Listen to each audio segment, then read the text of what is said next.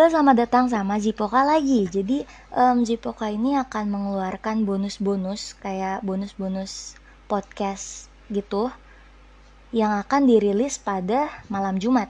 Tapi nggak nentu, misalnya kayak minggu ini rilis, minggu depan enggak, minggu depan enggak rilis lagi gitu. Pokoknya kayak sebagai bonus aja. Dan di dalam Zish ini, oke, okay, gue bocorin tadi Nama segmennya ini adalah Zish dan di dalam Zish ini kita akan membahas tentang apa ya um, sesuatu kisah-kisah yang bertema horor. Ya, jadi untuk Zish kali ini gue bakalan ngomongin tentang psikopat. Kalau misalnya ngomongin tentang psikopat atau pembunuh gitu, pasti lo semua pada kepikiran sama Ted Bundy atau Jack Draper atau nama-nama lainnya kan? Tapi untuk kali ini gue bakalan bahas tentang Earl Leonard Nelson atau yang disebut juga dengan Gorilla Man, Dark Pencekik, atau Gorilla Killer. Nelson lahir pada tanggal 12 Mei 1897 di San Francisco, California. Ia adalah putra pertama dari seorang ibu asal Inggris, Frances Nelson, dan ayah asal Spanyol, James Burrell. Kedua orang tuanya meninggal karena sifilis sebelum ia mencapai usia 2 tahun. Sifilis itu kayak infeksi bakteri yang disebabkan oleh seks. Nelson kemudian dikirim untuk tinggal bersama nenek dari pihak ibu, Jenny Nelson, seorang yang taat agama dan membesarkannya bersama dua anaknya, Willis dan Lillian, yang masing-masing 10 dan 8 tahun lebih tua darinya. Jadi dia ikut sama nenek dan dua pamannya gitu. Pada saat apa ya pas masih umurnya anak-anak gitu dia tuh kayak aneh dia menunjukkan kebencian diri dan perilaku yang gak wajar. Contohnya kayak pas SD lo bayangin nih anak SD dikeluarin dari sekolah SD-nya dan pada waktu itu dia umurnya masih 7 tahun. Sekitar usia 10 tahun dia mengalami kecelakaan saat mengendarai sepedanya dan tidak sadarkan diri selama enam hari. Setelah dia bangun perilakunya tuh jadi kayak nggak nentu gitu loh kadang tuh dia bisa marah banget kadang dia sedih kadang dia lembut dan lainnya. Dan dia juga jadi sering menderita sakit kepala dan kehilangan ingatan. Setelah kecelakaan ini Nelson tuh nunjukin gelagat yang makin aneh. Kayak dia tuh ngomong sama orang yang gak dilihat sama orang lain. Dan kompulsif menguntip bagian-bagian Alkitab dan melihat anggota keluarga perempuan menanggalkan pakaian. Kompulsif itu kayak jadi dia tuh obsesi banget nih sama ayat-ayat Alkitab dan obsesi juga ngeliat perempuan ngelepas pakaian. Dan obsesinya ini udah ngelebihi batas wajar. Neneknya juga bilang, dia sekolah pakai pakaian yang rapi. Tapi pas pulang itu, bajunya jadi compang-camping seolah-olah dia tukeran baju sama tunawisma. Pada awal masa remaja, Nelson mulai sering mengunjungi rumah bordil dan bar di distrik lampu merah pantai Burberry, San Francisco, dan terjangkit penyakit kelamin. Oke, dia sama kayak kedua orang tuanya. Tapi, singkat cerita, dia sembuh dan tumbuh nih, jadi pria yang kekar dan sehat. Dia juga sering menghibur keluarganya yang sedih dengan memanfaatkan kekekaran badannya ini, kayak berjalan dengan tangan atau mengangkat benda yang berat pakai giginya. Kuat banget deh ya. Nelson ini memulai karir kriminalnya, karir kriminal, karir kriminalnya pada usia muda dengan membobol sebuah kabin di pedesaan Plumas Country yang dia yakini telah ditinggalkan. Jadi dia mikirnya tuh kalau kabin ini udah terbengkalai, udah ditinggalin sama pemiliknya dan gak diperhatiin lagi sama orang-orang sekitar. Tapi ternyata dia ketahuan dan ditangkap tuh sama polisi. Dia dijatuhi hukuman 2 tahun di penjara negara bagian San Quentin pada tahun 1915. Dia dibebaskan bersyarat untuk pelanggaran ini pada tanggal 6 September 1916 jadi satu tahun setelahnya tapi abis dibebasin tuh dia ditangkap lagi di Stockton pada tanggal 9 Maret 1917 untuk pencurian kecil-kecilan.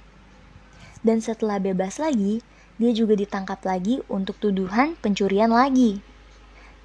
Setelah menghabiskan sekitar lima bulan di penjara Los Angeles, Nelson ini kabur dari penjara. Pada akhir tahun 1917, Nelson ini sempat daftar di militer Amerika Serikat. Tapi setelah enam minggu di sana, dia tinggalin aja gitu, udah nggak mau datang-datang lagi. Wah, berarti setelah kabur dari penjara dia nggak dicari ya, nggak jadi buron gitu. Abis ninggalin yang pertama, dia daftar lagi nih ke cabang militer yang berbeda dengan nama yang berbeda. Nggak cuman sekali, tapi berulang kali. Gue tuh heran banget deh, dia kenapa suka banget ngelakuin hal yang berulang kali gitu loh. Yang diulang-ulang terus. Nelson ini ditempatkan di rumah sakit jiwa negara bagian Napa setelah berperilaku aneh dan tidak menentu selama salah satu tugas singkatnya di Angkatan Laut Amerika Serikat. Seorang psikolog Angkatan Laut mencatat bahwa Nelson hidup dalam keadaan psikotik konstitusional. Tapi setelah tiba nih di rumah sakit jiwa ini, ada seorang psikolog yang mengamati Nelson pada 21 Mei 1918. Mencatat bahwa dia tidak tampak keras atau membunuh atau merusak dan akhirnya dibebaskan. Jadi kayak psikolognya ini bilang kayak oh Nelson ini nggak kelihatan kayak seorang pembunuh. Dia juga nggak kelihatan sebagai orang yang berperilaku kasar gitu loh. Jadi akhirnya dibebasin nih. Dan pada tahun 1926 ini tepatnya pada tanggal 20 Februari dia ketemu sama satu cewek kaya gitu bernama Clara Newman dan menyamar sebagai calon penyewa bernama Roger Wilson. Beberapa saat setelah memasuki rumah ini, Nelson mencekik Clara hingga mati dan memperkosa mayatnya.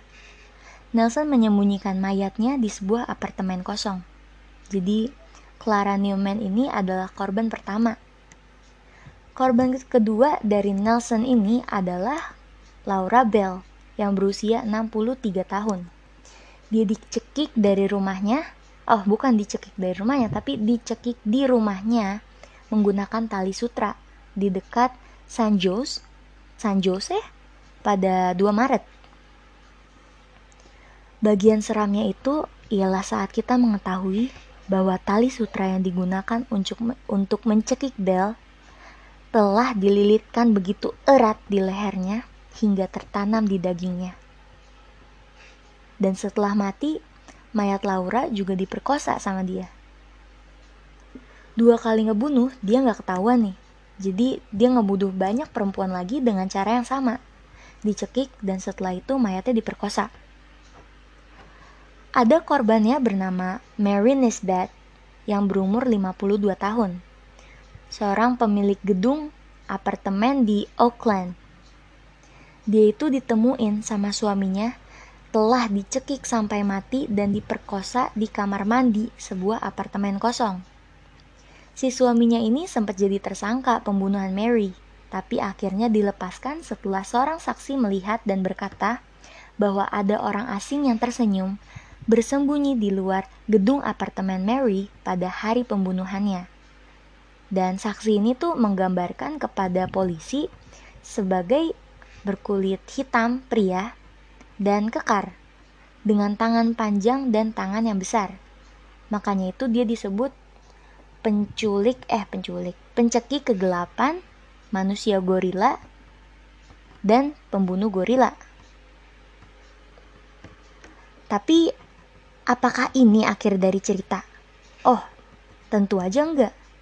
Nelson pindah ke Portland, Oregon dan ngebunuh sekitar tiga perempuan tua dengan cara yang sama. Nelson lalu kembali sebentar ke San Francisco dan membunuh janda berumur 56 tahun. Awalnya polisi sempat ragu nih kalau ini tuh ulahnya si Gorilla Man ini.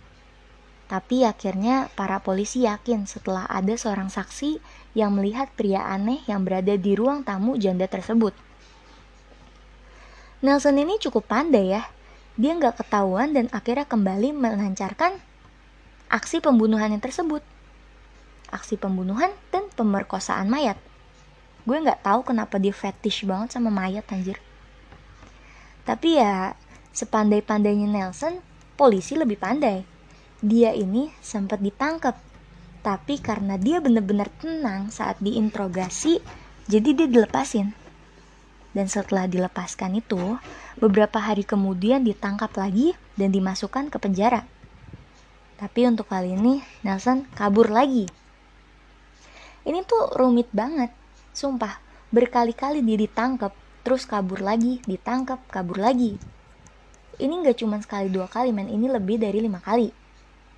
Dan akhirnya, ia ditangkap lagi dan dimasukkan ke sel super ketat penjagaannya Nelson sempat bilang ke wartawan, secara belak-belakan gitu, kalau dia ngebunuh istrinya pada malam Sabtu.